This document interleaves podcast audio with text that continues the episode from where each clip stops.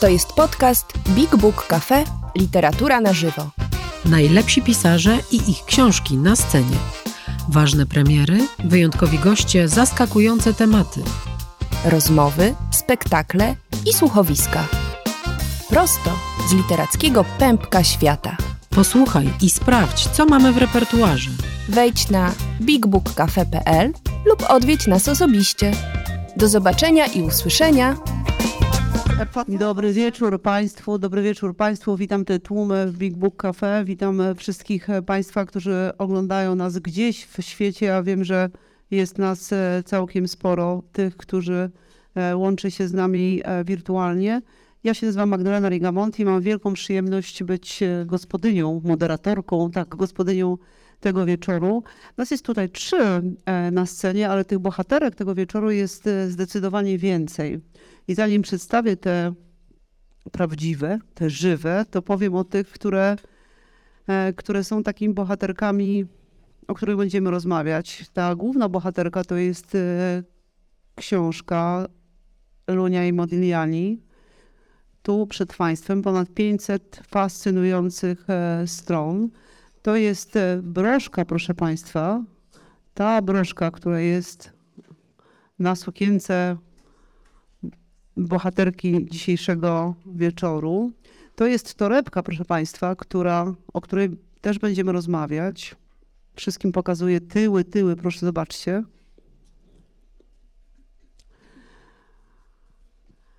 No właśnie i pani Teresa Rechbinder to jest jedna prawdziwa bohaterka. To jest, pani Tereso, mogę o pani powiedzieć, wnuczka cioteczna Luni Czechowskiej. Wnuczka cioteczna Luni Czechowskiej. Dzień, dzień dobry, dzień dobry Państwu i od razu powiem, że to jest ta broszka na pięknej sukience w kolorach Modiglianiego.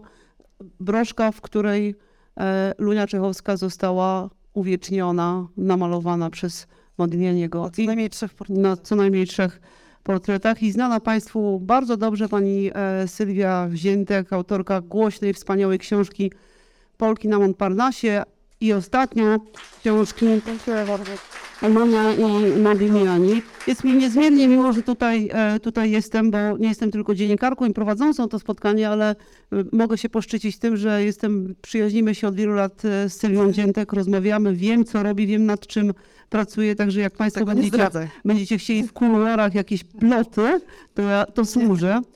Natomiast u to co? Kto pierwszy? Pani Tereso.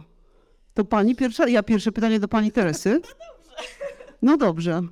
Skąd pani ma tę broszkę, pani Tereso? Yy, broszka została przekazana, przez, bo ja do, nie bardzo. Wszyscy słyszą.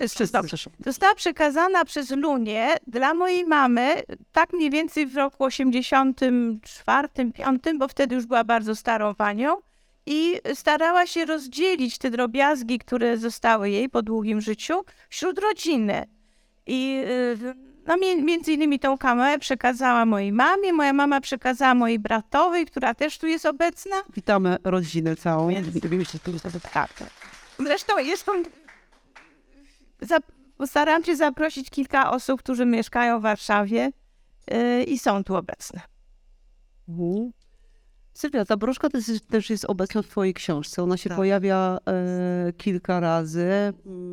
Modigliani na nią zwraca uwagę, kiedy e, maluje Lunię. Co to była za relacja między Lunią Czechowską a Modiglianim? Ty opisujesz trzy lata ich, e, a no właśnie, czy wspólnego?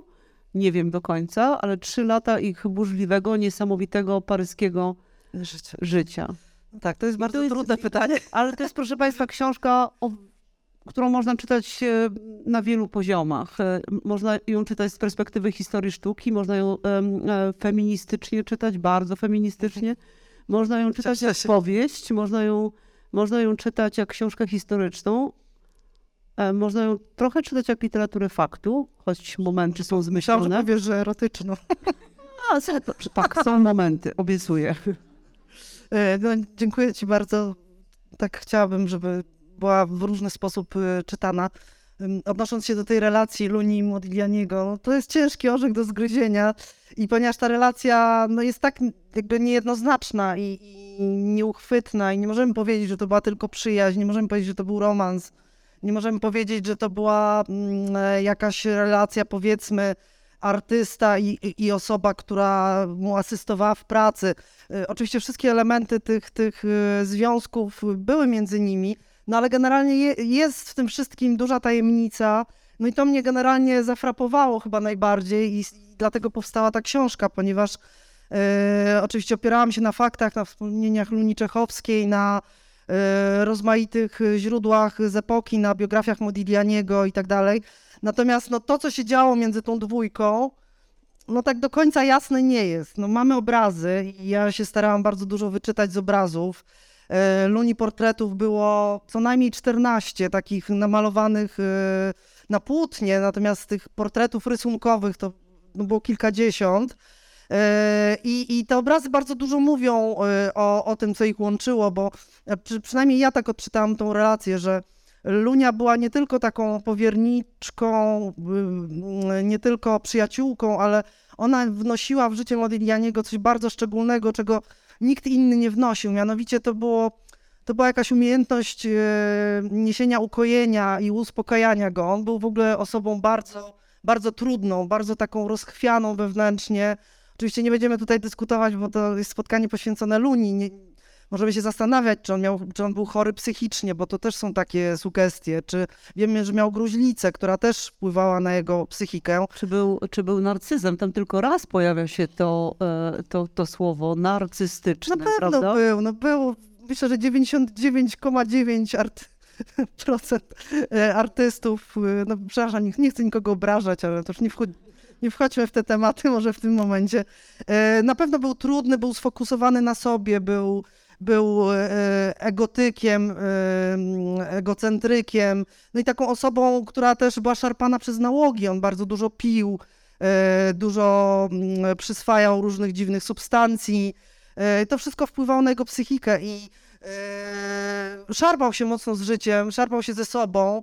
Mm, natomiast Lunia, Lunia była kimś, kto, kto wnosił jakiś taki element stabilności, ukojenia w jego, w jego życie. E, I to bardzo dobrze mi się wydaje, można wyczytać e, z portretów, które, które on jej namalował. Ona jest taka dostojna na tych portretach, taka, e, taka bardzo nobliwa i emanuje z niej rzeczywiście taki spokój duży, taki promieniujący na niego.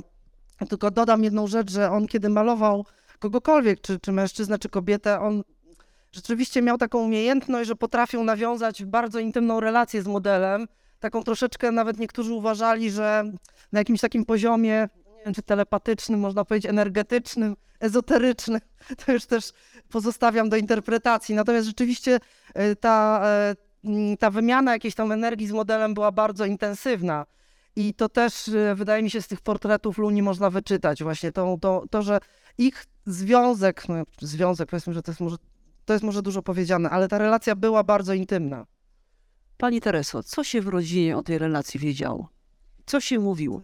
O Luni? O Luni i o tej relacji z Modigliani. Co ona mówiła? Czy to było Tego- tajemnicze? To czy... było tajemnicze. To Lunia była bardzo dyskretna i chyba nigdy nie przekazała więcej niż to, co stara się Sylwia przekazać teraz i w książce, może więcej niż było, ale jest, jakaś taka notatka mojej mamy, która przekazuje, że jakiś jej znajomy malarz był w Paryżu, może tam coś więcej wie, może więcej rozmawiał. Także, że jakaś relacja bardziej erotyczna to naprawdę prawdopodobnie była, ale my nie wiemy tak do końca i nie, nigdy tego to nie było jakoś poruszane.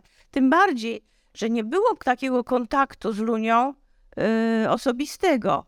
No, mo- mogę, mogę powiedzieć, że pod koniec Proszę bardzo. życia Lunia y, bardzo chciała, żeby moja mama przyjechała na dłużej do Nicei, bo już wtedy mieszkała w Nicei, y, bo wtedy by jej więcej opowiedziała o swoim życiu i tak dalej, no ale to było zupełnie niemożliwe, żeby moja mama y, wyjechała i utrzymywała się za własne środki. Bo Lunia nie była zamożną osobą, więc nie, nie mogła zaprosić mojej mamy i powiedzieć, no proszę bardzo, przyjeżdżaj, ja ci zapewnię tutaj pobyt i będę, będziesz moją powiernicą i słuchaczką. E, No ale był, absolutnie w rodzinie był taki mit Luni. To w większym lub mniejszym stopniu wszyscy to dostrzegali, od- odczuwali. No, może mniej moja babcia, bo to była, były bardzo różne i były, zupełnie się inaczej ich życie potoczyło. Y, natomiast moja mama, która utrzymywała korespondencję z całą rodziną, liczną rodziną, y, no taką miała chyba, a, no jakby to powiedzieć, no odczuwała pewien, y, to była jedyna jej ciotka z, z licznych wujów, którzy byli w rodzinie i, i no miała, była osobą bardzo empatyczną, więc wydaje, wydaje mi się, że właśnie chciała okazać Luni jak najwięcej serca.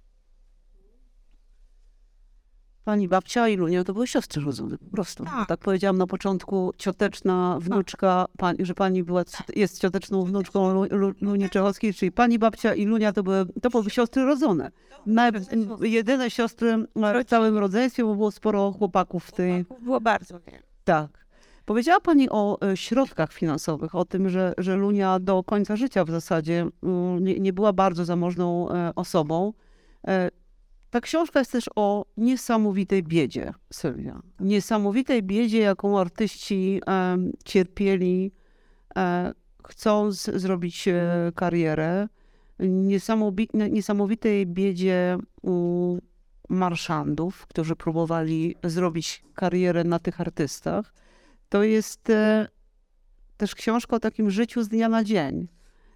I, no i dopiero na koniec, wszyscy to wiemy, ale na koniec posłowu w tym epilogu jest napisane 162 miliony, dobrze pamiętam, 162 miliony najdroższy obraz Modiglianiego. Niestety ta historia A on klepał, tak, klepał straszliwą biedę. To jest oczywiście bardzo gorzkie i ja tutaj zapewniam, że nie folgowałam wyobraźni, opisując te przeróżne sytuacje, kiedy właśnie zborowscy, czyli e, marszant Modiglianiego, polski marszant, Leopold Zborowski, jego partnerka, kiedy po prostu dniami, tygodniami niemalże jedli fasolę. To, no to, to są autentyczne jakby historie z tamtych czasów. E, ja czerpałam wiedzę też ze wspomnień Anny Zborowskiej, ale, ale z przeróżnych źródeł. E, no to były czasy I wojny światowej, bardzo, bardzo trudne. Artyści cierpieli ogromnie, ponieważ no, rynek sztuki zamarł, nie mogli sprzedawać swoich obrazów, nie było wystaw, nie było E, galerie były pozamykane. E, co więcej, bardzo wielu e, tych artystów, którzy przybyli z Pol no, Polski, Polski wtedy jeszcze nie było, to powiedzmy z, z zaborów, no jakby utraciło kontakt ze swoimi rodzinami, także nie mieli już tego dopływu gotówki, bo zwykle to rodzina jednak ich tam jakoś utrzymywała przy życiu w tym okrutnym, okrutnym Paryżu. Natomiast no, między innymi Zborowski też utracił kontakt e, i, i musieli z czegoś żyć, więc to były naprawdę trudne momenty Leopold Zborowski po prostu czerpał dochody z hazardu. No, no, najzwyczajniej w świecie, bo oczywiście na, na początku się wyprzeda, wyprzedawano to, co można było sprzedać. Biżuterię, jakieś, jakieś cenne przedmioty, no ale w pewnym momencie już, już nawet tego nie było i Zborowski yy, dokładnie nie wiadomo, czy grał w pokera, czy no, grał też w karty, ale głównie właśnie na wyścigach konnych. Wydaje że w pokera mu dobrze poszło poprzedniego wieczoru, no, prawda? No, grał, grał, więc ja wybrałam, no postawiłam na poker, na pokera, bo powiem szczerze, że takich szczegółowych informacji nie ma, ale no, na pewno po prostu żyli częściowo z hazardu. Y, to było takie codzienne, no można powiedzieć, przepraszam, brzydko kombinowanie, tak? Co, co włożyć do garnka.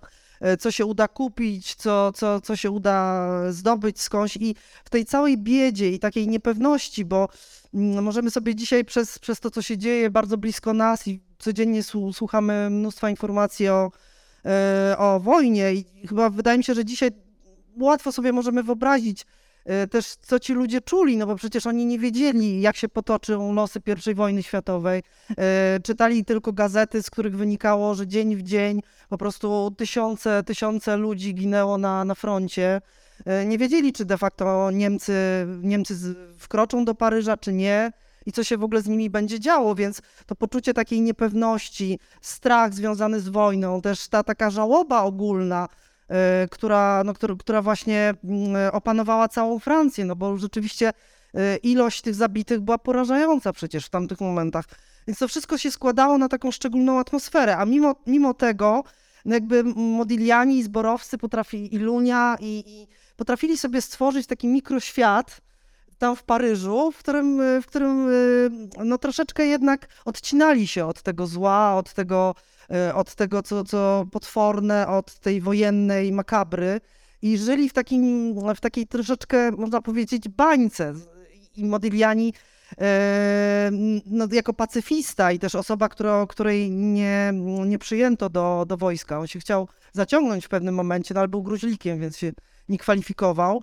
E, no, stworzyli sobie taki, taką enklawę, w której właśnie e, można było malować nagie kobiety i to była w zasadzie odpowiedź Modiglianiego na wojnę, na, na okrucieństwo wojny, na, na to poczucie zagrożenia, na, e, na niepewność jutra.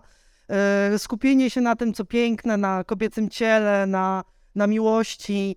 Mm, I, I dzięki temu też przetrwali te ciężkie czasy.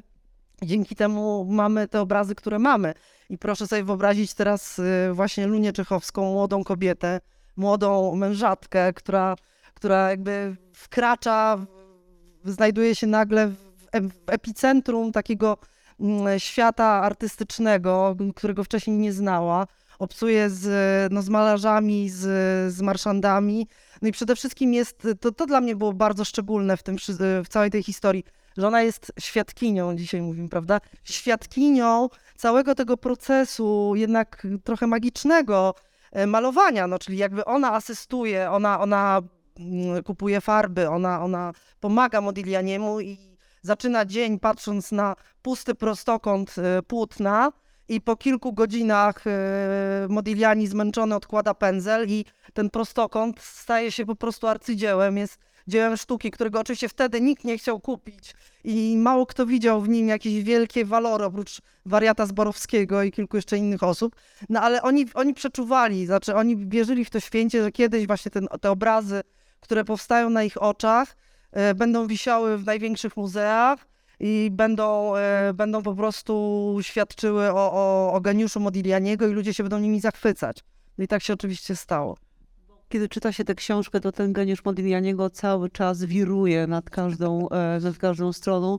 E, widać twoją fascynację nim, chociaż są momenty, kiedy go nie lubisz, kiedy, tak, kiedy on cię wkurza, kiedy on jest właśnie tym narcyzem nie do wytrzymania, kiedy e, no właśnie, kiedy Lunia w zasadzie prawie niemal pije za niego, żeby on tylko nie pił jak, jak, jak, jak współuzależniona od alkoholika. E, żona, ale powiedziałaś o tym, że to jest młoda kobieta, która przyjeżdża do Paryża z Polski. Ona jest naprawdę młodziutką dziewczyną, świeżą mężatką. No nie. Przepraszam, mężatką dopiero zostaje w Paryżu. Mężatką zostaje w Paryżu, ale jest, ale jest młodziutką Bardzo dziewczyną. Młodą. Córką stolarza, e, socjalisty e, krakowskiego. Oj, Ktoś się włączył do nas. Ktoś się włączył. Ktoś się no włączył. Właśnie. no właśnie, co to jest no za rodzina, która wypuszcza, wypuszcza młodą dziewczynę, młodą dziewczynę do, do Paryża.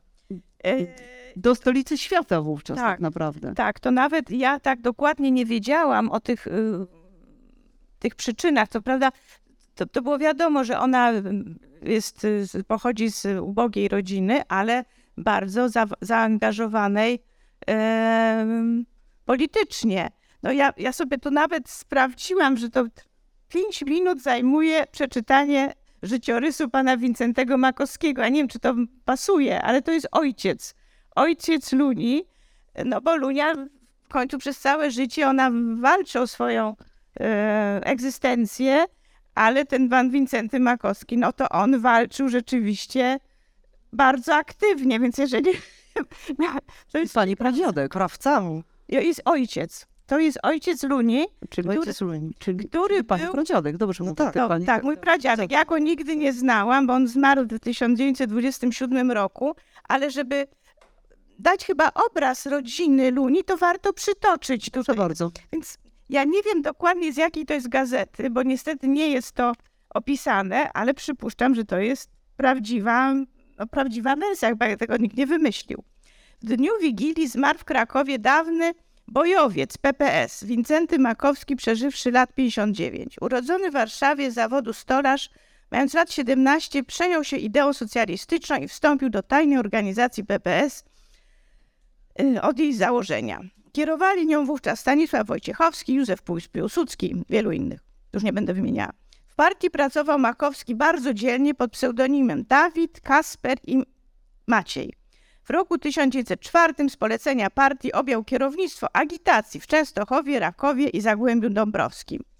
Gdy z powodu manifestacji robotniczej w Częstochowie strzelano do robotników z rozkazu policmajstra i zabito kilka osób, Makowski z polecenia PPS zabił policmajstra w samo południe na dworcu kolejowym w obecności tłumu ludzi, a sam ujęty nie został. Um, otrzymawszy od partii polecenie wysadzenia pomnika cara Aleksandra II na Jasnej Górze i dostawszy w tym celu 20-kilowy ładunek dynamitu, udał się tam sam jeden o zmroku. Żołnierz stojący na warcie zagwizdał na alarm, wtedy Makowski rzucił dynamit na pomnik, posypał się marmur, z podstawy wyleciały szyby w siedmiu kamienicach. Makowski uszedł, a żołnierz straż, strażają, strażujący upadł ogłuszony. Yy, podczas demonstracji urządzonej przez PPS przeciwko mobilizacji, a był to dzień świąteczny, Makowski w obliczu publiczności wychodzącej z kościoła oraz oddziału dragonów i żandarmów i Straży Pogranicznej zawiesił na, na drutach telegraficznych czerwony sztandar z napisem Precz z caratem.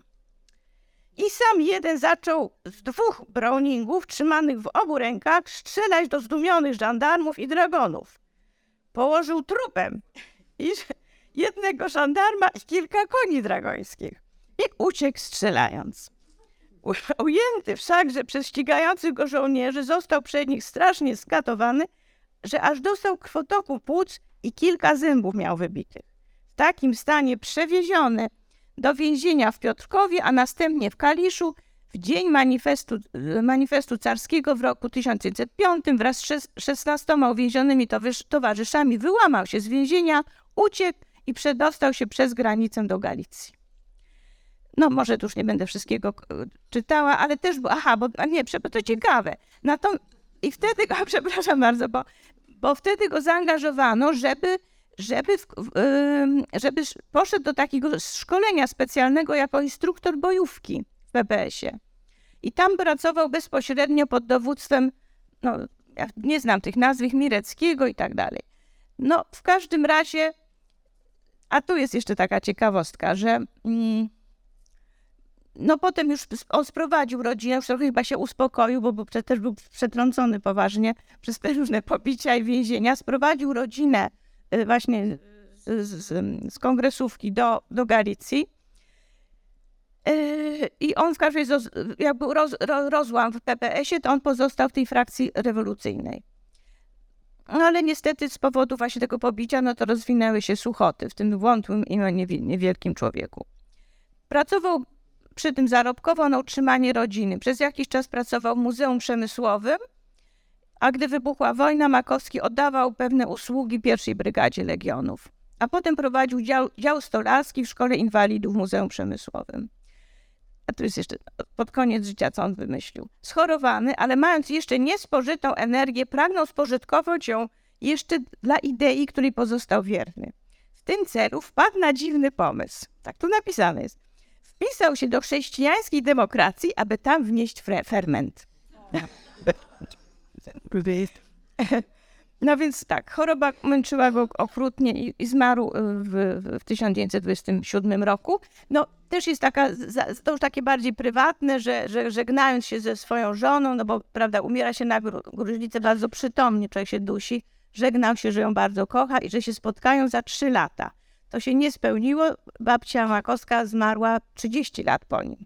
Także miała 80 lat. Takiego, takiego ojca miała e, Lunia Czechowska, tak. zresztą e, jej mężem był e, socjalista, no, rewolucjonistyk, fanatyk wręcz, który zostawił ją w Paryżu i pojechał robić... Rewolucja wzywała. Rewolu... No właśnie, pojechał robić rewolucję i w zasadzie zostawił ją w ramionach Modiglianiego, jak piszesz w swojej powieści, bo jak było do końca, no właśnie, zostawił ją w ramionach Modiglianiego i ona zrozumiała wtedy, że ten świat piękna, świat sztuki to jest jej świat. Nie sięgała po pędzel, chociaż nie wiemy, nie malowała, natomiast y, zaczęła żyć tą sztuką, prawda? Tak, no też, też właśnie mm, to otoczenie, w którym się znalazła, czyli, czyli zborowscy, y, którzy, którzy starali się y, sprzedawać obrazy, sprzedawali znaczy sprzedawali, chcieli sprzedać Modiglianiego, tylko niestety Modiglianiego nikt nie chciał kupować, no ale, ale sprzedawali też obrazy Kislinga, Utrilla i, i, i kilku innych malarzy. E, no, starali się w tym świadku paryskim jakoś, jakoś funkcjonować, chociaż było to trudne. No ale dla Luni była to naprawdę wyjątkowa okazja no właśnie wejścia w ten świat sztuki. I, i, ona musiała jakby połknąć ten, ten bakcyl i mm, no jednak, y, jednak ta jej fascynacja była, była autentyczna i prawdziwa, o czym świadczą jej dalsze losy, bo ona, tutaj oczywiście moja książka dotyczy w zasadzie tych trzech lat spędzonych e, ze Zborowskimi, z Modiglianim, natomiast e, jej los był związany ze sztuką. Ona żyła bardzo długo i e, prowadziła galerię w Paryżu, była, była galerzystką, organizowała wystawy, także Także te lata spędzone właśnie obok Modiglianiego w mieszkaniu Zborowskich w Paryżu one były bardzo silnie ją kształtowały. To w zasadzie była młoda kobieta, która no nie miała jakiegoś sprecyzowanego zawodu, bo co do tego, y, czym ona się zajmowała w Paryżu, to też są troszeczkę różne relacje.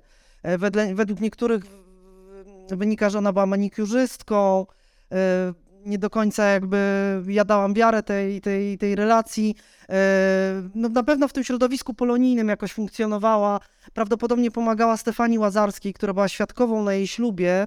E, Stefania Łazarska to była malarka, dzisiaj byśmy powiedzieli designerka, no, jakaś pionierka designu, e, artystka, która tworzyła lalki szmaciane i stworzyła takie atelier, w którym polscy artyści szyli lalki i sprzedawali je i dzięki temu mogli w ogóle przetrwać wojnę. Między innymi Tadeusz Makowski, bardzo znany malarz, to Państwo wszyscy kojarzycie, takie pajacyki, które malował dzieci i tak dalej. No on między innymi szył te lalki, biedak. Tylko, że te lalki miały ogromne powodzenie. To nie no były tak, lalki. tak. Każda, to były tak zwane buduarowe. Każdy szanujący się dom chciał mieć taką lalkę. Te lalki cieszyły się dużym powodzeniem, więc Lunia prawdopodobnie w jakiś tam sposób też e, asystowała czy pomagała e, tego dokładnie nie wiemy. No ale, ale jakby przyjechała do Paryża, no nie mając jakichś konkretnych, e, z tego co, co udało mi się ustalić, konkretnych zainteresowań czy, czy jakiegoś sprecyzowanego planu na życie. A tutaj ta, ta sztuka ją, można powiedzieć, pochłonęła, wessała i ten świat ją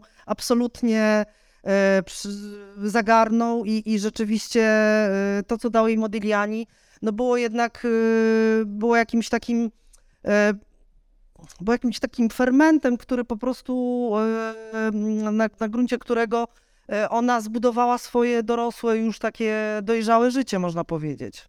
Po jego śmierci, już po 1920 roku. Pani Tereso, ale ja pytałam tak, trochę będę wścibska. Czy ona nie była y, trochę wyklęta przez rodzinę? No bo wyjechać do Paryża, trafić w ten, y, w ten tygiel y, artystyczny, w ten światek, który no, nie był postrzegany jako coś wspaniałego, dobrego. Mhm. Mąż E, wyjechał, fanatyk, jak mówi o, o nim Sylwia. Zaraz się okazało, że już go nie ma, że nie żyje. Ona zostaje e, sama. No, co prawda mieszka u Zborowskich. Zresztą, proszę Państwa, to było niesamowite mieszkanie, prawda? Bo E, Zborowski marszant, jego żona, nie żona Hanka, bo nigdy nie wzięli tak. ślubu, chociaż tak. na grobie e, na, na paryskim cmentarzu jest napisane Zborowscy, tak, prawda? Jakby udawali, że są małżeństwem. Udawali, że są małżeństwem, ale nie byli, bo mógłby być to postrzegane jako mezalias. E, w małym pokoiku mieszkała Lunia Czechowska i każdego dnia około 14, jak się zerwał, prawda, po nocnych eskapadach, chodził malować Modigliani. E, była jeszcze dziewczyna e, do pomocy, tak. Polet. No właśnie, c, c, wykleła ją ta rodzina Makowskich, czy nie? Nie wydaje mi się. Co prawda, to było, trzeba pamiętać, że e, okres wojny, no to były bardzo trudne te kontakty, przypuszczam. Nie zachowały się listy z tego okresu. Zachowało się wiele kartek pocztowych, listów nie. Lunia nie pisała dużo, długich listów, ale z okresu międzywojennego. Z takich notatek, jakichś opowieści, no, no można, ja mogę tylko bazować na tym, co moja babcia, czyli siostra Luni przekazała i co moja mama. E, wydaje mi się, że e, życie tych dwóch pań, czyli Luni i mojej babci, było tak, tak, tak różne, że dla mojej babci to było coś takiego trochę dziwnego i oczywiście niepokojącego, no bo jak ona sobie tam mogła dawać radę sama, więc to były takie niepokoje, bo coś, jakieś takie są wspominki, że miała, e, że była związana z jakimś może Francuzem, że może miała cesarskie cięcie, jakieś były kłopoty na pewno tego typu, że czy, so, czy sobie da radę, jak ona, czy to przeżyje, no to są oczywiście w takim środowisku młoda kobieta mogła być narażona na różnego rodzaju e, niebezpieczeństwa. No i pamiętajmy, że była wojna, więc też ta Jeszcze tak. komunikacja nawet listowna była na pewno Trudna. e, trudna. Potem były, przyszły lata dwudzieste. moj- Moja babcia zajęta była rodziną, była bardzo oddana rodzinie i zajęła się swoją matką, która, prawda, straciła męża i też potrzebowała mm, wsparcia i tak dalej. Więc Lunia była dla mojej babci osobą, która jak gdyby nie, nie, nie żyła zupełnie tak innym życiem i tak zajęta z, jakby, no, karierą, prawda? Więc to, to, to w tamtych czasach kobieta, która się zajmuje karierą i swoim życiem, nie ma dzieci, no wyszła na Organizuje wystawy, wystawy, wystawy jeździ, tak, podróżuje, podróżuje.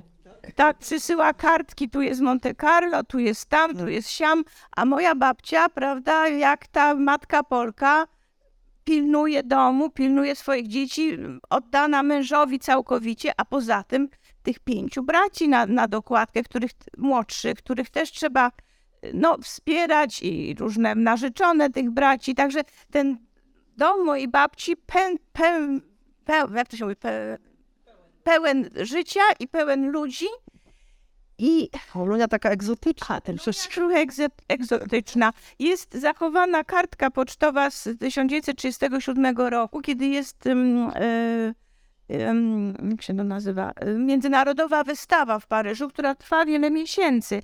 I Lunia pisze, że znalazła tam pracę i pracuje i to jest bardzo dobrze dla niej i tak dalej. Nawet pyta się, dlaczego Stefan, czy Stefan nie może przyjechać. Stefan był jednym z jej braci, który był architektem, mieszkał we Lwowie, że to by bardzo mu to, prawda, rozwinęło jego horyzonty i tak dalej. Także ten, ten kontakt był, ale to były dwa różne światy. No, oczywiście, że one się łączyły. Lunia przyjechała raz do Polski w 1935 roku, to był taki zjazd rodzinny. Y, Jest bardzo ładne zdjęcie właśnie rodzeństwa całego, babcia Makowska w środku i pięciu braci i te dwie siostry. E, Na fanpage'u Sylwii Ziętek, Sylwia Ziętek, pisarka, jest e, to zdjęcie Na Polkach, na Montparnasse. i, i na Polkach też. A, się proszę zerknijcie. Więc mnie się wydaje, że, że moja babcia miała taki troszkę czasem ironiczny stosunek do, do Luni, e, no bo po prostu ona się poświęciła rodzinie, prawda? Są takie, nawet takie, jest- mówiła, że ona nie widziała nieba, bo albo była w, był duży ogród, w którym ona wszystko trzeba było, prawda, przerobić, zebrać, zawekować, albo była w kuchni. Więc dbała o rodzinę fantastycznie, a potem, ponieważ to był duży dom, no to lat, przyszły lata powojenne, nie było środków, żeby utrzymać ten dom, no to babcia chodziła, podpierała, co tam jak mogła utrzymać, nawet kury hodowała w Krakowie, tuż obok domu, żeby z jakichś z- zdobyć środki do życia. Tak, Alunia wtedy Czapskiemu wystawę w Paryżu organizowała. Dwa światy, proszę, proszę Państwa. Bardzo, bardzo różne ziemniaki. Sylwia, ty jak zbierałaś się materiały e, do Polek na Montparnasse, jak e, próbowałaś dowiedzieć się jak najwięcej o tych swoich e, wspaniałych artystkach, o tych naszych wspaniałych artystkach, to po prostu przechodziłaś koło, tego, koło tej kamienicy, w którym Plątałam się mieszkali bardzo dużo w zboro- Montparnasse. którzy, w, którym, e, w którym mieszkała Lunia, w którym Tak. malował Modigliani Tak, to zawsze i miałaś takie zwidy, że oni tam są, Tak, prawda? tak, tak. Bardzo często tam, tamtędy chodziłam. To jest taka maleńka uliczka Józef Bara, blisko bulwaru Montparnasse i no może nie jest jakaś spektakularna, ale jakby wiedziałam, że to jest ta kamienica. Tam też w tej kamienicy mieszkał e, polski malarz, też pochodzący z Krakowa, e, Kisling. E, On miał, on miał na górze pracownię z takim dużym przeszkleniem, że jak kiedyś Państwo będziecie w Paryżu, naprawdę bardzo zachęcam, e, aby odwiedzić tą uliczkę i pójść też do kawiarni La Rotonde, która była takim sercem Montparnassu i tam się zresztą ona funkcjonuje do dzisiaj, tam dzisiaj wi- wiszą na ścianach e, kopie obrazów Modiglianiego i tam zresztą e, Lunia poznała Modiglianiego, to wynika z jej wspomnień. No i wracając do kamienicy przy Józef Bara, no ja po prostu to, to od razu mi uruchamiało wyobraźnię. Ja widziałam światło w mieszkaniu Zborowskich, widziałam właśnie tych ludzi, jak e, w takie jakieś chłodne wieczory siadają przy, przy stole razem, jedzą jakąś tam skromną kolację. E, tutaj schnie obraz właśnie namalowany tego, tego dnia przez Modiglianiego. Oni sobie mm, rozmawiają, bynajmniej nie po polsku, bo Modigliani ich strasznie gonił, mówiąc wprost. Nie, nie, lubił, y, nie lubił, kiedy rozmawiali przy nim po polsku, więc y, siedziała grupa, powiedzmy, pięciu Polaków, uliczając Kislinga i musieli jeszcze rozmawiać po francusku, no ale, no ale Modigliani mm, y, no, no, takiego wymagał zachowania. I to, to bardzo, bardzo na mnie działało i, i sama ta historia właśnie E, no nieznana szerzej, tak? Mm, historia Zborowskiego, który, który poświęcił naprawdę bardzo wiele i w zasadzie gdyby nie to, że on jak jakiś wariat kompletny wierzył, wierzył w Modiglianiego, wierzył, że to wszystko ma sens, nie, wiadomo, czy dzisiaj w ogóle byśmy wiedzieli, kim był Modigliani, czy, czy w ogóle byśmy zdali jego obrazy, bo e, być może by wylądowały gdzieś na śmietniku jako coś zupełnie nieciekawego, e, nie cieszącego się uznaniem. No tych obrazów naprawdę nikt nie kupował praktycznie, więc E, więc gdyby, gdyby nie ta polska, ja ich nazwałam tak polską bandą, a gdyby nie ta polska banda i ich, ich wsparcie, e, być może Modiglianiego by w ogóle nie było, ani jego obrazów. I to wydało mi się bardzo, bardzo ważne, e, ważne do przekazania i do, do utrwalenia, ponieważ jednak ta wiedza jest bardzo skromna. Tutaj dodam, że nawet jeśli chodzi o realia francuskiego rynku sztuki, co dla mnie jest bardzo bolesne, no ale Zborowski nie jest najlepiej postrzegany we Francji. Znaczy, e, trochę, trochę uważano, kiedy już Modigliani stał się sławny, oczywiście wiele lat po śmierci, stał się sławny i jego obrazy zaczęły no, osiągać niewiarygodne ceny, no to też oczywiście zazdroszczono Zborowskiemu, że e, no, miał takiego, takiego podopiecznego, który, który okazał się tak wspaniałym artystą, ale uważano, że Zborowski po prostu był takim, takim wariatem, no poetą, wariatem, któremu się trafiło. No, po prostu los, los, los go mm, e, w jakiś sposób wynagrodził, e, ale, ale sam Zborowski ani nie miał kompetencji w zakresie rynku sztuki, ani, ani jakby nie, osobiście, osobiście niczego nie dokonał, co jest bardzo krzywdzące dla, dla Zborowskiego, ale obawiam się, że E, że, ta, że ten wizerunek będzie jeszcze długo we Francji funkcjonował. Tutaj tylko Państwu powiem, że we wrześniu tego roku e, zostanie otwarta wystawa e, Modiglianiego w Paryżu w Musée de l'Orangerie. Mm, I to będzie wystawa, która się będzie nazywała Modiglianie sont marchands, czyli Modigliani i jego marszant. I bynajmniej nie będzie to wystawa poświęcona Zborowskiemu, tylko Polowi Guillaume, Zresztą Paul Guillaume występuje w mojej książce. Ja był tylko na początku jego marszałka. Tak, i on był, on był takim e, człowiekiem, e, który robił zawrotną karierę. Dzisiaj byśmy powiedzieli, że taki młody, młody, sprytny, e, sprytny, bardzo, bardzo sprawnie poruszający się w świecie sztuki mężczyzna, który, który no, próbował coś tam z Modiglianim zrobić, ale, ale generalnie obrazy się nie sprzedały, nie sprzedawały i, i zupełnie tego Modiglianiego no, nie chcę użyć kolokwialnego wyrażenia, no, jakby dał sobie z nim spokój. Natomiast przejął go Zborowski. Przejął go Zborowski. Przejął go tak. Zborowski, ale on nie jest poważany, nie jest uważany z tego powodu, że nie jest Francuzem?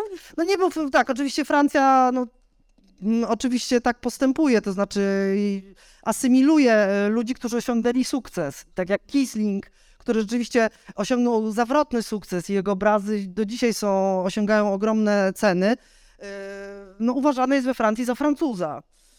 Kisling jest tak, a, a Zborowski to był jakiś człowiek z dziwnego kraju, jakiś poeta, jakiś wariat, coś mu się tam trafiło.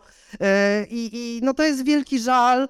Oczywiście ja na tyle, ile jestem w stanie coś zrobić z tą sprawą, będę, będę na pewno próbowała jakimiś środkami e, zwrócić uwagę pewnych osób jednak na osobę Zborowskiego. Trochę liczę na ten film, który powstaje, bo to może Państwo słyszeliście, że E, Johnny Depp kręci film o Modiglianim. On jako reżyser, chyba Modigliani go nie zagra, bo już nie te lata, e, ale no, Al Pacino też jest koproducentem tego filmu.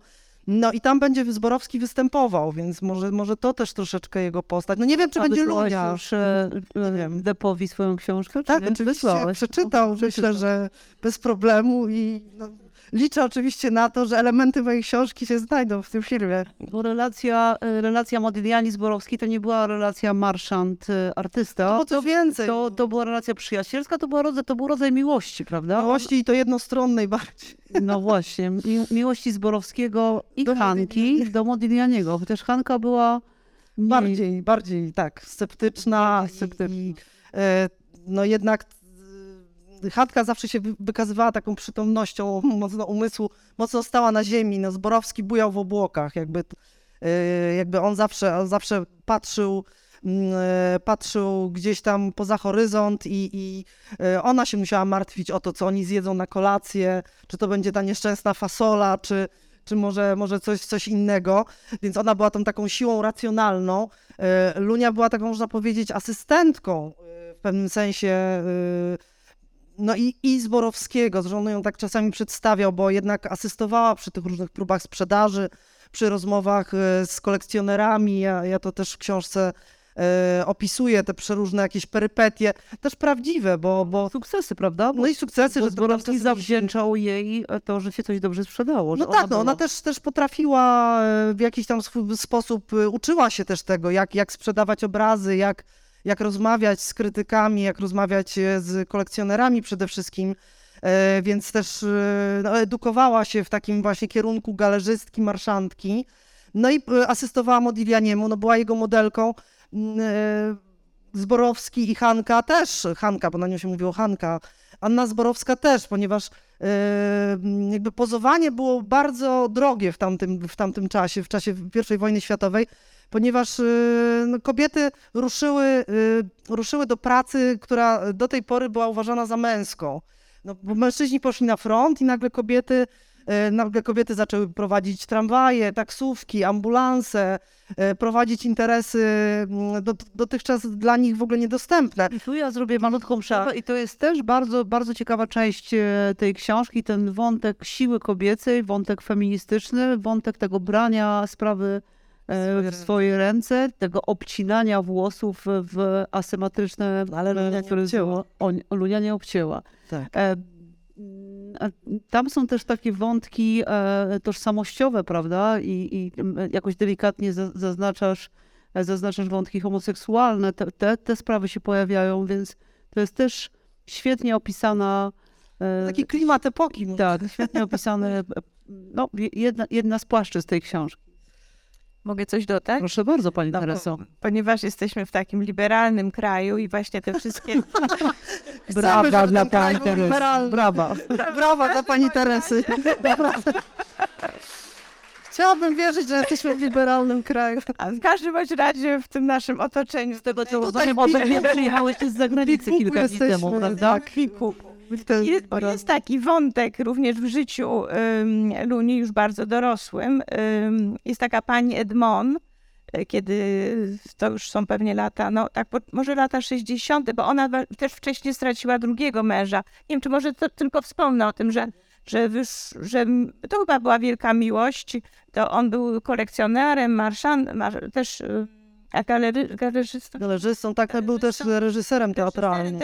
No też taka Zenon Choroszczo. Zenon Choroszczo, ziemianin, z, z, podobno bardzo za, zamożny y, no, przed wojną, nawet z własnym sumptem y, wystawił teatr w Warszawie, potem wylądował w, w W Lwowie też. też tak, prawda? No można go tam wygooglować, spod Orszy. To, to, w tej chwili to jest Białoruś. No wtedy też była.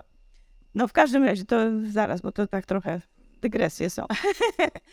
ale, ale chyba do, do, dobrą taką parę tworzyli yy, i, i lubili się bawić. No to te, też to o tym powiem, bo to też taka ciekawostka, że jeden z braci e, Luni podróżował do Am- Ameryki Południowej. Tam innego brata miał już, ale on miał takie nawiązać kontakty z, z Polonią polską w różnych krajach Ameryki Południowej i chyba wracając zatrzymał się u Luni i u tego Zen, Zenka Choroszczo.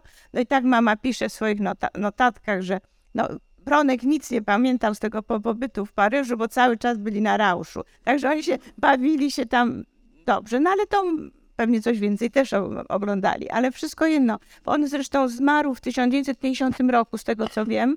Nie wiem dokładnie na co, to też było na w Prowansji.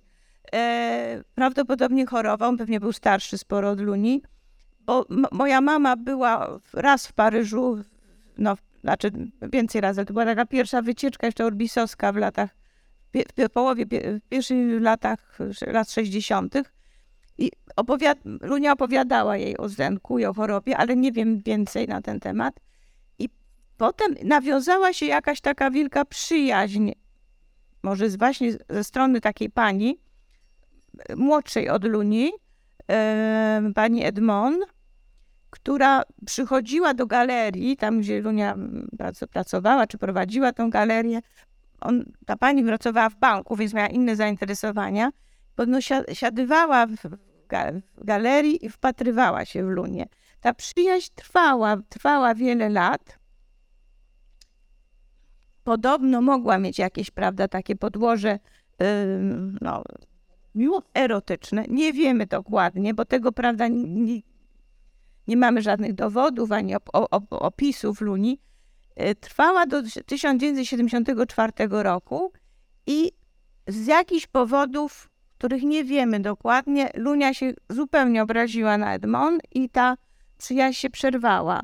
Ale Edmond y, przyjeżdżała nawet do Polski i śladami Podróżowała, odwiedzała miejsca, gdzie Lunia mieszkała w Krakowie.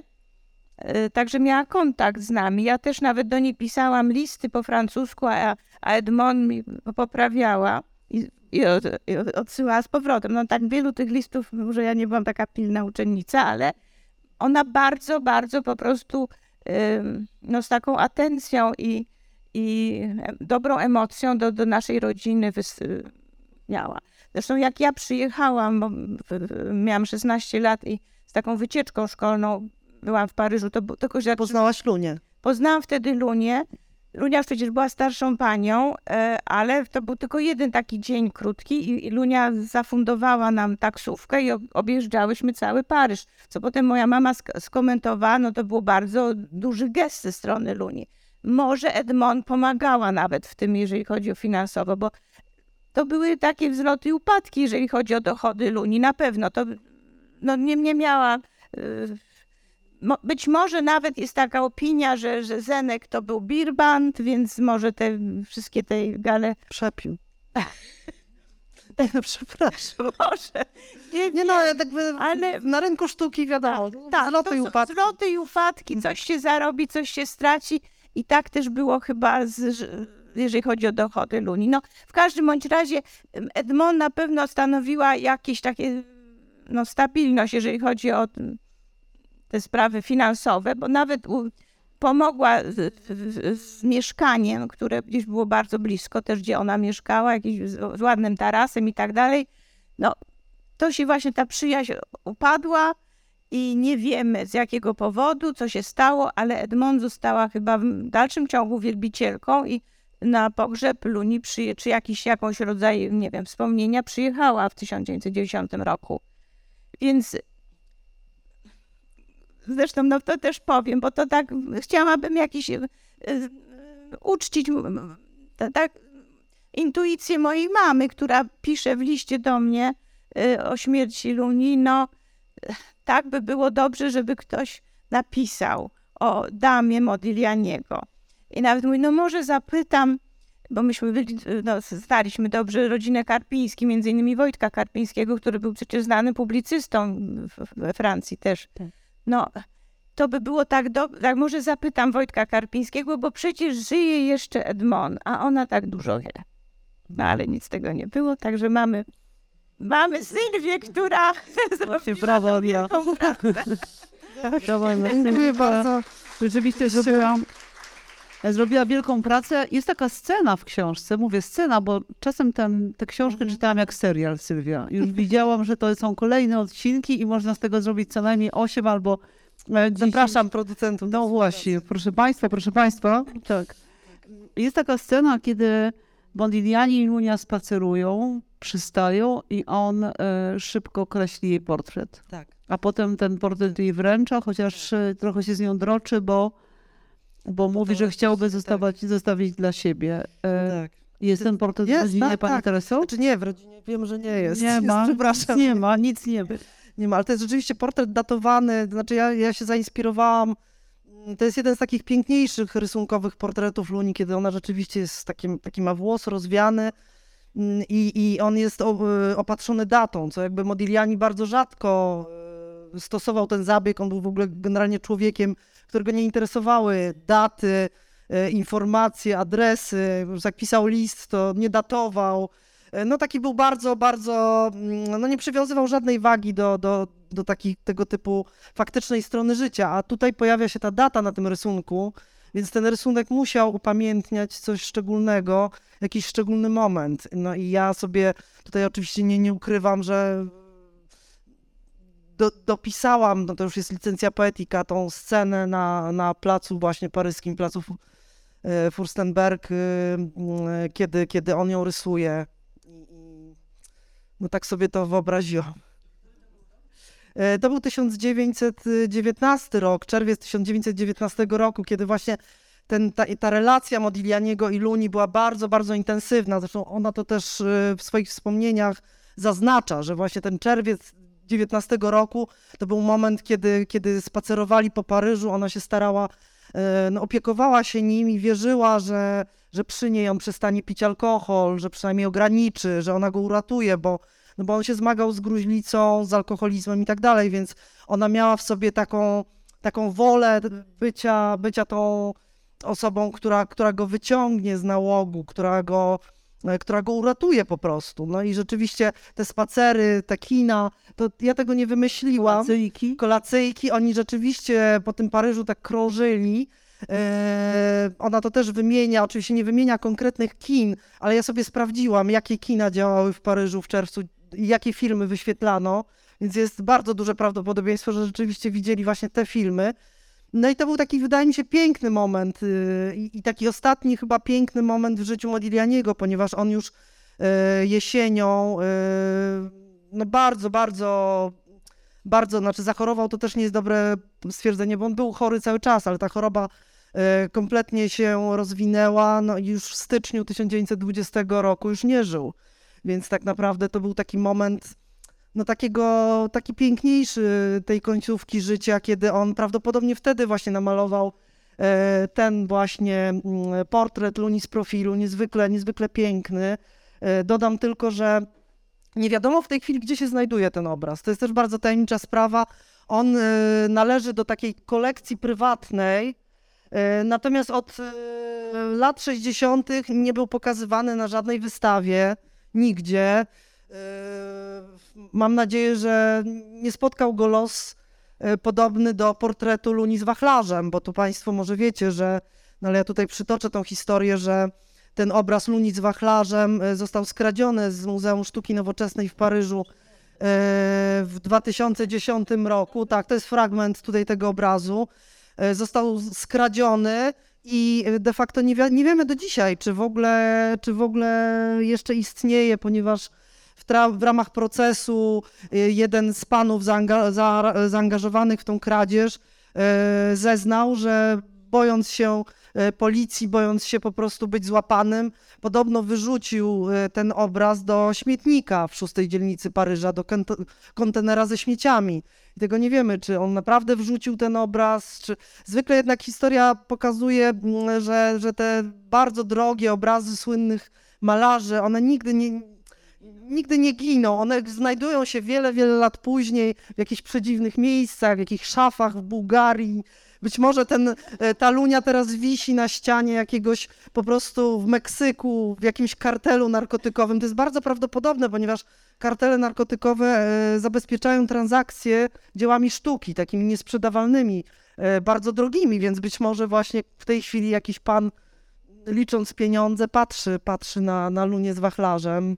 Wachlarzem teraz może być warta i 300 milionów no, dolarów, prawda? Myślę, że tak. A może Tereso, przepraszam, może byś tylko przytoczyła tą historię tego, tego tutaj e, artefaktu, bo to jest autentyczne, autentyczna pamiątka rodzinna, ta, którą Teresa przywiozła. I tak, tak, przepraszam, to ale to już wszyscy widzieli, tak? Bo mimo, że będzie mi trudno trzymać, ale tutaj jest napisane dla kochanej i drogiej siostrzyczki Feluni, Lunia, taką, jaką widział malarz Paryż. I taka dedykacja podobna jest dla mojej mamy, Andeczki. Ja mam ją w Oslo, bo mieszkam w Oslo. Y, Ten, ten, y, ta wersja, czy, znaczy, bo to jest kopia oczywiście, ten, ten obraz ma moja y, bratanica, która też tu jest A obecna. tutaj jeszcze są takie piękne, a to nie wiem, czy już chcesz w tym mówić, bo Mogę przeczytać, bo tutaj są też... Dała swo- to najpierw przekazała swojej bardzo kochanej synowej, przekazuje ciocie Lunie pamiątkę po mojej matce, grudzień 94 roku, a tutaj właśnie y, mama y, dla Marysi przeka- wdzięcznym sercem przejęłam. Teraz z miłością przekazuję mojej kochanej Marysieńce, którą Wanda kochała i która ma na, ma, no nie wiem, sobie wiele z piękna kobiet tej rodziny. Wandy, Feluni i Luni. Naprawdę niezwykle Więc taką Piękny. mamy, portret.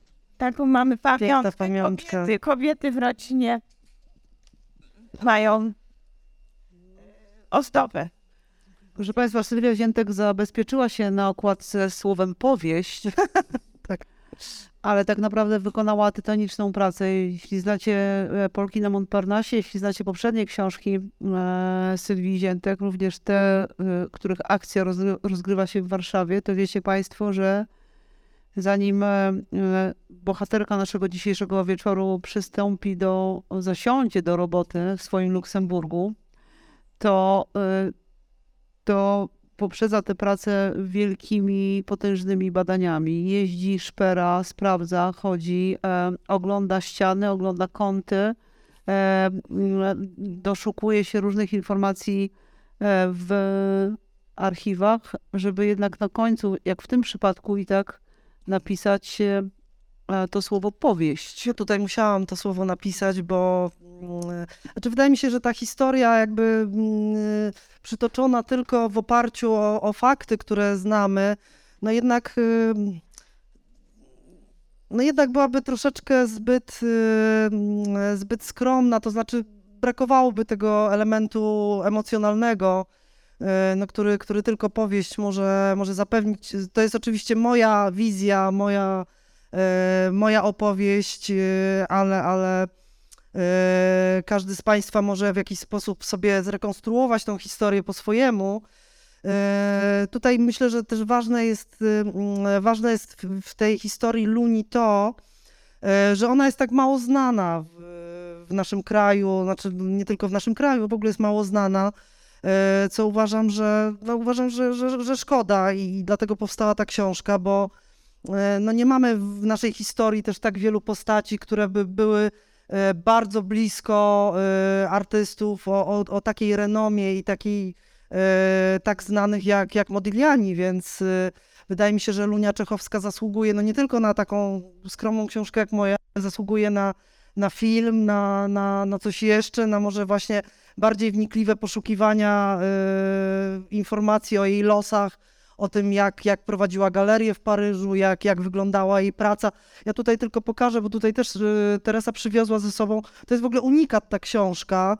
Y, To jest książka wydana w y, 56 zdaje się roku, czy y, tak. To jest książka Ambrogio Ceroniego, który miał taką ambicję, żeby stworzyć katalog Raisonné Modiglianiego. Y, Katalog Raisonné to jest y, taki zbiór jakby wszystkich dzieł danego malarza. Jest bardzo ważny w, karierze każdego artysty. Dodam, że ma, minęła setna rocznica, y, znaczy 103 już de facto w tym roku śmierci Modiglianiego. Ten katalog Raisonné nie powstał do tej pory. No ale Ceroni to był taki historyk sztuki włoski, miał ambicję taki katalog stworzyć. Wydał tą książkę, to jest taki można powiedzieć to album. Tutaj mamy piękne reprodukcje. Tutaj tylko pokażę może, o, o, dziękuję bardzo, bo, bo tutaj widzicie Państwo e, obraz, e, portret Luni, na którym no, ma tą właśnie kamę, którą dzisiaj, dzisiaj na sobie ma, ma nasza e, bohaterka, bohaterka spotkania. E, ta kamea też widnieje w ogóle na pierwszym portrecie, który Modigliani namalował Luni Czechowskiej. E, ten portret się znajduje w Grenoble. Na szczęście no, nie został, nie wylądował w śmietniku paryskim, więc można go obejrzeć. E, I to jest wyjątkowa książka, ponieważ właśnie w niej zostały jedyny raz. O, tu jest kolejny z tą kameą. To też jest ta kamea właśnie. O, tak widać, nawet ją chyba trochę trochę wyraźniej. E, I w tej książce właśnie zostały opublikowane po raz pierwszy i no jedyny jak do tej pory wspomnienia Luni Czechowskiej, wspomnienia o jej relacji z Modigliani, o jej życiu paryskim. Ona, ona napisała je po francusku, bo już w tamtych czasach posługiwała się głównie francuskim. I rzeczywiście to była taka bazowa, można powiedzieć, to było bazowe dla mnie źródło, jeśli chodzi o, o E, narrację e, dla tej książki. Nigdy nie zostały te wspomnienia w Polsce opublikowane, niestety. Uważam, że.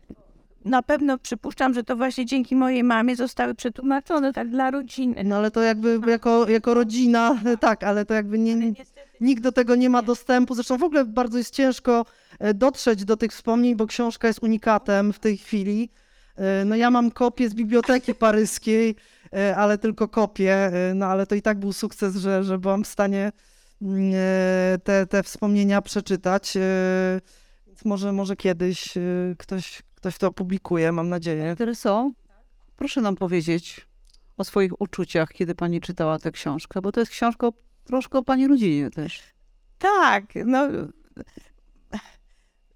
bardzo byłam wdzięczna Sylwii. No to jest licencja poetyka i tak myślałam, no rzeczywiście, że y, jest to, jest to y, y, rozszerzenie jakiegoś spojrzenia na człowieka, którego nie znałam blisko, no bo to takie krótkie, prawda, zwiedzanie Paryża w taksówce kilka godzin. Potem spotkałam Lunię raz, jak już ona była bardzo stara, też na jakimś lunchu. A tutaj, no, poznałam ją jako taką żywą, młodą kobietę, która poszukuje szczęścia i, i, i swojej drogi w życiu. Więc nie, no tak się trochę nawet, może, może przesada, że się identyfikowałam, no bo już jestem dosyć w innym, że tak powiem, etapie życia, ale, ale mi się wydaje, że dla młodych kobiet, no to jest to takie poszukiwanie jakoś, gdzie ja jestem, kto, kto, jaki mój los, co mnie spotka, jakie wybory robię w życiu, prawda, kogo, kogo kochać, kogo nie kochać. tak, tak, no bo Modiglianiego było chyba ciężko nie kochać, ale rzeczywiście... Ale trudno żyć chyba. Trudno żyć, zdecydowanie. Było z nim bardzo trudno żyć. Trudno było nie kochać. Osiem miesięcy po śmierci Modiglianiego e, zborowcy powiedzieli Luni, że jej miłość, jej e, guru, jej, no właśnie, ktoś chyba najważniejszy w tamtym czasie umarł. Ona się dowiedziała w sierpniu, dobrze pamiętam? Dopiero w sierpniu tak, 2020 tak, roku, tak, dopiero. kiedy on w styczniu umarł. Ona de facto we wrześniu wróciła do Paryża, czyli no on zmarł, e, zmarł w styczniu. E, no to jest bardzo taki przykry jakby element tej całej historii i tutaj dostaję często pytania od, od czytelniczek, czy, czy to naprawdę tak było, że, że Lunia nie wiedziała, że Modigliani umarł. I tak naprawdę było, ona o tym pisze w swoich wspomnieniach, bo mm, ona wyjechała do, do sanatorium, prawdopodobnie no też nas, ten związek z Modiglianim no dosyć mocno, e, mocno ją emocjonalnie wykończył po prostu. E, ona zresztą chciała, żeby Modigliani z nią wyjechał e, i, i widziała w tym jakąś szansę dla niego e, podreperowania zdrowia. Liczyła na to, że on jednak e, w jakiś sposób tą gruźlicę przynajmniej zaleczy, że będzie w stanie funkcjonować i bardzo chciała, żeby on z nią pojechał i przeznaczyła własne środki finansowe na to, chciała, chciała mu zasponsorować ten wyjazd. On początkowo y, się zgodził, natomiast jego sytuacja była życiowa taka, że mm, jego partnerka życiowa, Jeanne Butern, była w drugiej ciąży y, i po prostu nie, nie, nie chciała, żeby on ją zostawiał, żeby, żeby wyjeżdżał z Paryża i on rzeczywiście jakby wiedząc, y, mając świadomość tego, że, że jest w bardzo złym stanie zdrowotnym, że tak naprawdę zostało mu niewiele, niewiele czasu, no jednak, jednak został, został przy Żan y, i Lunia wyjechała sama do tego sanatorium.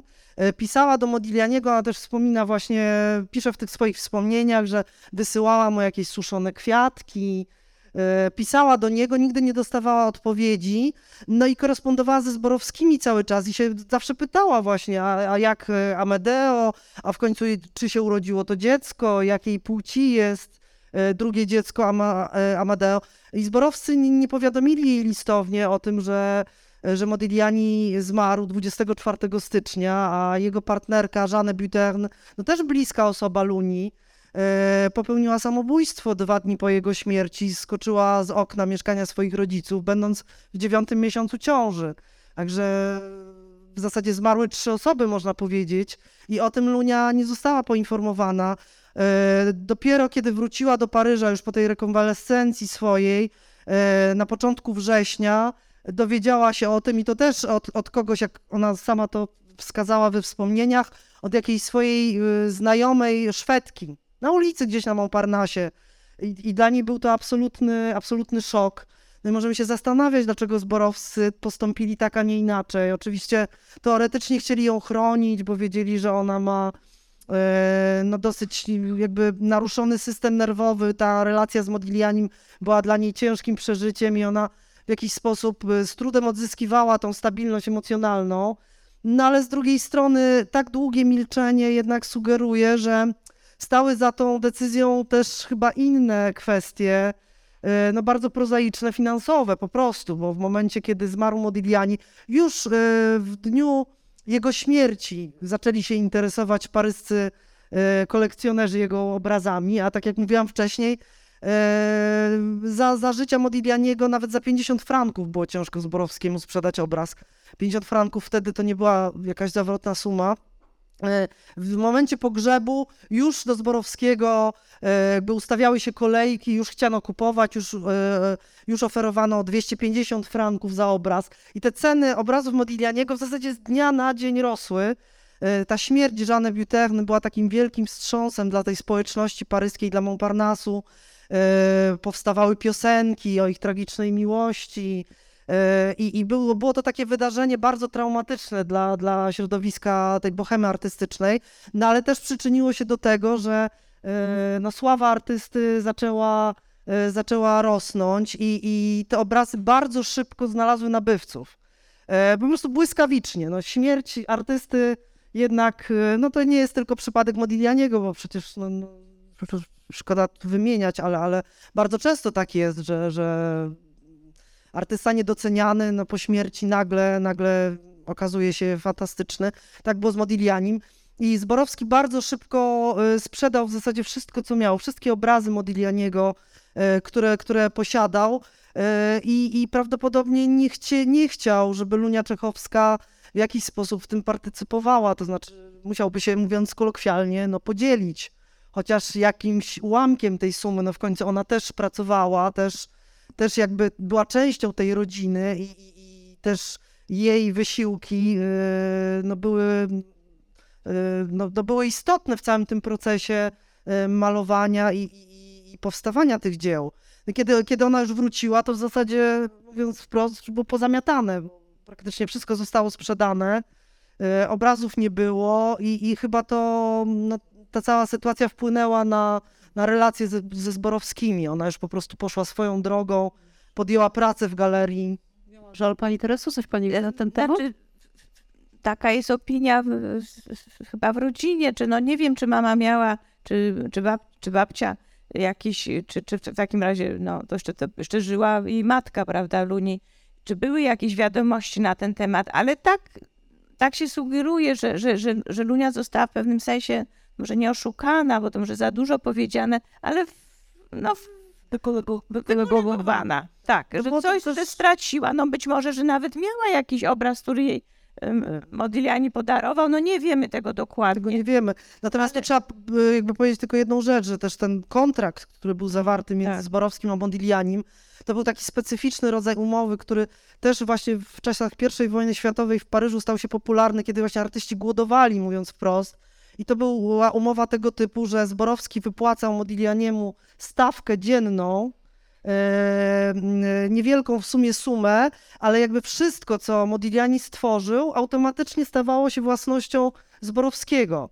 Oczywiście był w tym element ryzyka, no bo e, de facto przez trzy lata Zborowski tylko inwestował, bo e, musiał te pieniądze skądś pozyskać i Modiglianiemu wypłacać te sumy, które tamten w zasadzie natychmiast przepijał. E, szedł zaraz do La Rotonde, postawiał wino kolegom albo sam sobie tam e, wypił. E, zborowcy go żywili, ubierali, kupowali farby, zapewniali modeli i tak dalej, modelki. Jakby dlatego też cały czas malował swoje otoczenie i przyjaciół, bo, no bo to byli ludzie, którzy, którzy byli pod ręką i nie trzeba było im płacić za pozowanie. Więc tak każdy z łapanki po prostu siadał, siadał do portretu. E, no ale, ale mimo wszystko, nawet biorąc pod uwagę ten kontrakt, no była ta dosyć okrutna sytuacja, bo w momencie, kiedy Modigliani zmarł, zmarła Jeanne, oni osierocili córkę, y, Giovannę, która miała, miała rok, dwa miesiące, dziewczynka, i ona nie odziedziczyła niczego po rodzicach, no bo, bo, bo wszystko, co jej ojciec stworzył, no była, było własnością Marszanda. I rzeczywiście to często też y, dostaję takie zapytania ze strony czytelniczek. Bardzo się, mm, wiem, że Państwo interesujecie właśnie losami tej, tej dziewczynki. E, to oczywiście nie, tutaj to też ma związek y, poniekąd z Lunią, ponieważ Lunia Czechowska opiekowała się w ogóle córką Modiglianiego, ponieważ Jeanne Butern, no dzisiaj możemy powiedzieć, że, że była w depresji poporodowej prawdopodobnie. No generalnie zmagała się z, jakimiś, z jakimś kryzysem psychicznym, była w drugiej ciąży. E, biorąc pod uwagę sytuację, w której się znajdowali, czyli e, zero pieniędzy, zero perspektyw, jakby brak środków w ogóle na życie, no była to dosyć e, no, no, tragiczna sytuacja i to Lunia Czechowska jakby została poniekąd zmuszona, żeby opiekować się tym dzieckiem, co musiało być dla niej też emocjonalnie bardzo trudne, no bo ona jednak kochała Modiglianiego. I... Padło to słowo, no jednak tak, kochała myślę, że tak. No I teraz zajmowanie się jakby dzieckiem dzieckiem tego, tego mężczyzny, którego jakby chciała dla siebie, no przepraszam, że mówię to w taki patologiczny sposób, no było dosyć trudne, no ale, ale w pewnym momencie jakby Lunia już też nie, nie, nie dała rady, przypuszczam, że bardziej emocjonalnie niż, niż e, bo, bo miała praktykę w opiece nad dziećmi, bo miała przecież braci młodszych, więc na pewno praktykę, jeśli chodzi o zajmowanie się dziećmi miała. E, no i ta córeczka de facto po śmierci rodziców e, trafiła do Livorno, do miasta, w którym się urodził Modigliani. E, jego matka zajęła się dzieckiem, bo jakby rodzice Żanny Butewny nie chcieli w ogóle mieć nic z nią wspólnego.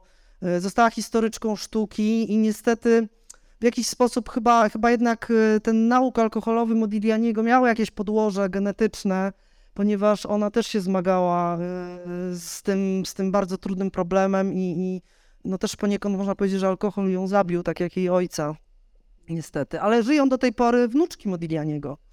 E, miała, miała dwie córki, więc wnuczki żyją we Włoszech gdzieś. Właśnie, chciałam skończyć życiem, a nie śmiercią. Bo nie no, wnuczki te, te, te, te spotkanie, Walczą Państwa, Sylwia Ziętek y, ożywiła ten e, świat ostatnich e, trzech lat, drugiego dziesięciolecia XX wieku, ożywiła ten Paryż i to naprawdę ożywiła go e, znakomicie z takimi bardzo konkretnymi szczegółami, za co bardzo dziękuję. Dziękuję paniom, że mogłam z Paniami porozmawiać. To jest, proszę Państwa, czas teraz na pytania od Państwa do Pani Teresy Rechbinder i do Sylwii Ziętek. Proszę bardzo. Kto ma ochotę, proszę pytać. ostatni rząd. O, najpierw był Pan tam daleko, daleko. Dzień dobry wszystkim. Y, pani Tereso, z góry bardzo dziękuję za poświęcony czas i w ogóle przywrócenie pamięci. Nazywam się Adam Krypiński i przychodzę z bardzo nietypowym pytaniem zajmuje się Ksawerem Dunikowskim. I e, Ksawery Dunikowski wyrzeźbił portret bolszewika i wielu różnych historyków sztuki próbuje podpisać jako męża Luni. I pytanie, czy ma pani zdjęcie pierwszego męża, żebyśmy mogli porównać i pokazać historykom nie, tak czy nie? Ja nie mam, nie mam, ale właśnie znalazłam, jak, na, prawdopodobnie wygooglowałam, że jest, że jest e, rzecz znaczy, ten, ten pomnik ale... znajduje się w, chyba ta wystawa została zamknięta niedawno, modernizm międzywojenny. Była taka wystawa w Krakowie, ja widziałam ten, ten pomnik jesienią zeszłego roku. I y, pani doktor Dmochowska, która napisała monografię y, Zborowskiego, y, jakby tak, Zborow, Leopolda Zborowskiego, no wskazała właśnie, że jest to portret y, y, Kazimierza Czechowskiego. Szkoda, że nie ma zdjęcia, ale jakby się znalazło, to proszę pamiętać, że ludzie... To jest zdjęcie Zenona za to. Teraz będziemy szukać, bo ja zainspirowana, prawda, poszukiwaniami Sylwii, no bardzo starannie teraz przeszukuję archiwa rodzinne, pytam się o wszystkie zdjęcia, jakie są i nawet coraz to coś dostaję z, z rodziny. Może coś się znajdzie. Może coś się znajdzie, bo właśnie ponieważ ci, ta rodzina się rozsiała po całym świecie, no to, to trudno to wszystko tak od razu znaleźć. To bardzo, bardzo, bardzo dziękuję. Proszę pamiętać o tam Ksawerym. Podkreślę, że Ksawery i Modigliani się znali. Spotkali się na Montparnasse, a resztę historii to Tam się wszyscy być w znali. przyszłości powiedziane. Dziękuję bardzo. Dziękuję. Proszę bardzo, tu pan e, teraz e, w pierwszym rzędzie.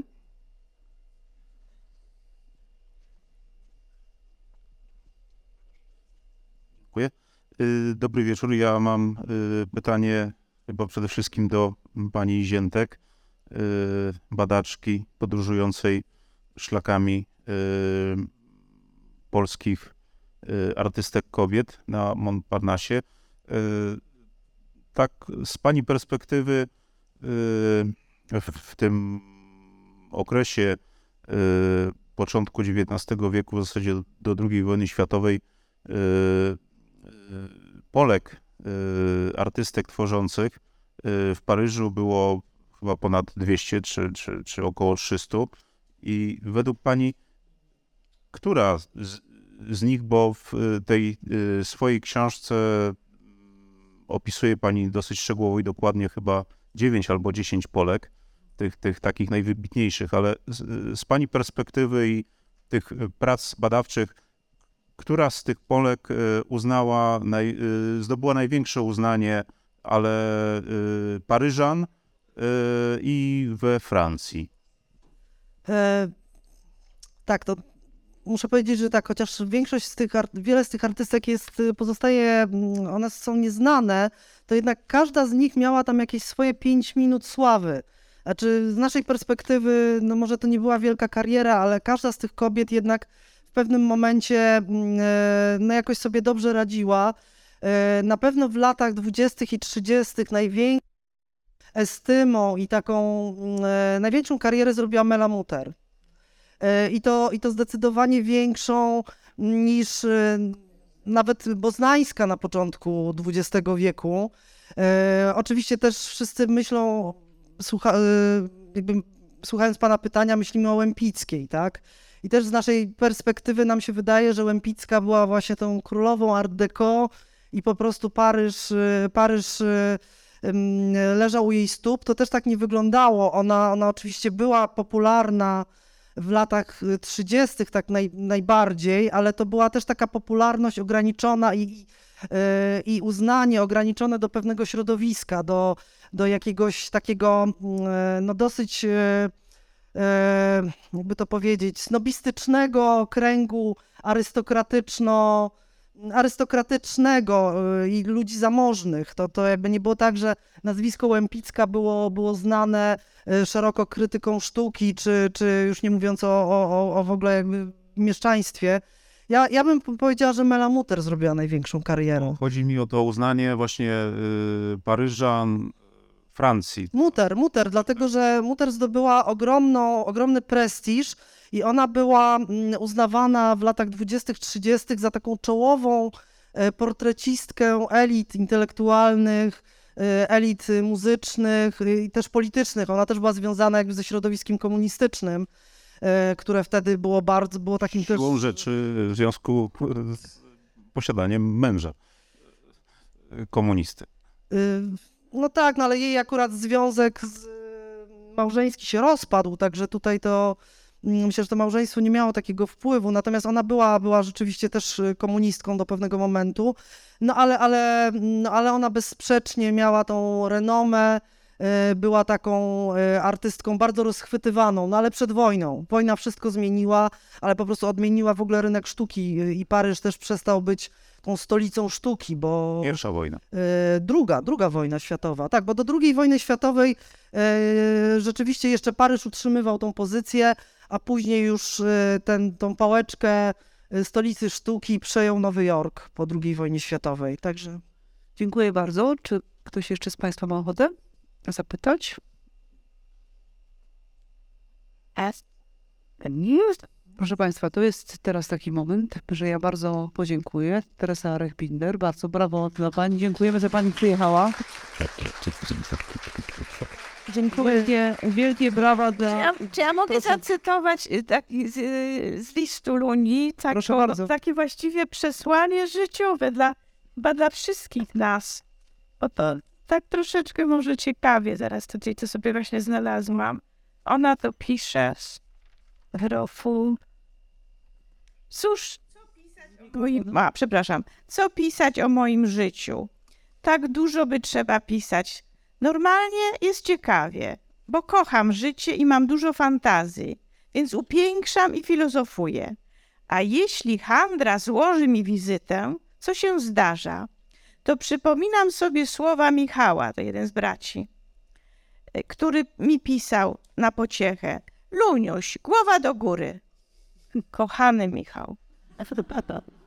Więc takim właściwie optymistycznym akcentem. Głowa do góry. Proszę Dziękuję Państwa, Ci bardzo, Tereso. Proszę bardzo. Dziękuję, że, że mnie odnalazł. Znaczy nie było to trudne, bo wciskam się gdzie mogę, no, ale dziękuję, że się ze mną skontaktowałaś po, po lekturze książki. To jest też, miałam ostatnio taką refleksję, że to jest niesamowite, że każda książka jakby mm, prowadzi takimi nieznanymi ścieżkami i każda książka jest też początkiem nowych, nowych znajomości, nowych relacji. One oczywiście nie wszystkie trwają, ale to jest, to jest bardzo piękne jakby w literaturze i, i cieszę się, że się poznałyśmy. No ja również. Dziękuję Ci bardzo. Mam trochę taka inspiracja, muszę powiedzieć. Dziękuję bardzo. Arech-Binder i e, Sylwia Ziętek i książka Lunia i e, Modigliani. To jest teraz ten moment, kiedy jeśli Państwo macie ochotę, to e, Sylwia Ziętek będzie podpisywać e, książkę. Mm, No i to jest czas na, na chwilę rozmów e, kuluarowych, mniej oficjalnych. Ja bardzo Państwu dziękuję. Ja Ci dziękuję, Magda. Nie ma za co. Dziękuję Big. Book Cafe, Magdalena Rigamonti. Bardzo Państwu dziękuję. Dobrego wieczoru pięknego. Dobranoc. Dziękuję. Big Book Cafe to Centrum Innowacji Literackich założone przez Fundację Kultura Nieboli. Tworzymy 200 wydarzeń w roku. Prowadzimy wege kawiarnię i księgarnię pełną dobrych książek. Big Book Cafe. Żyjemy czytaniem.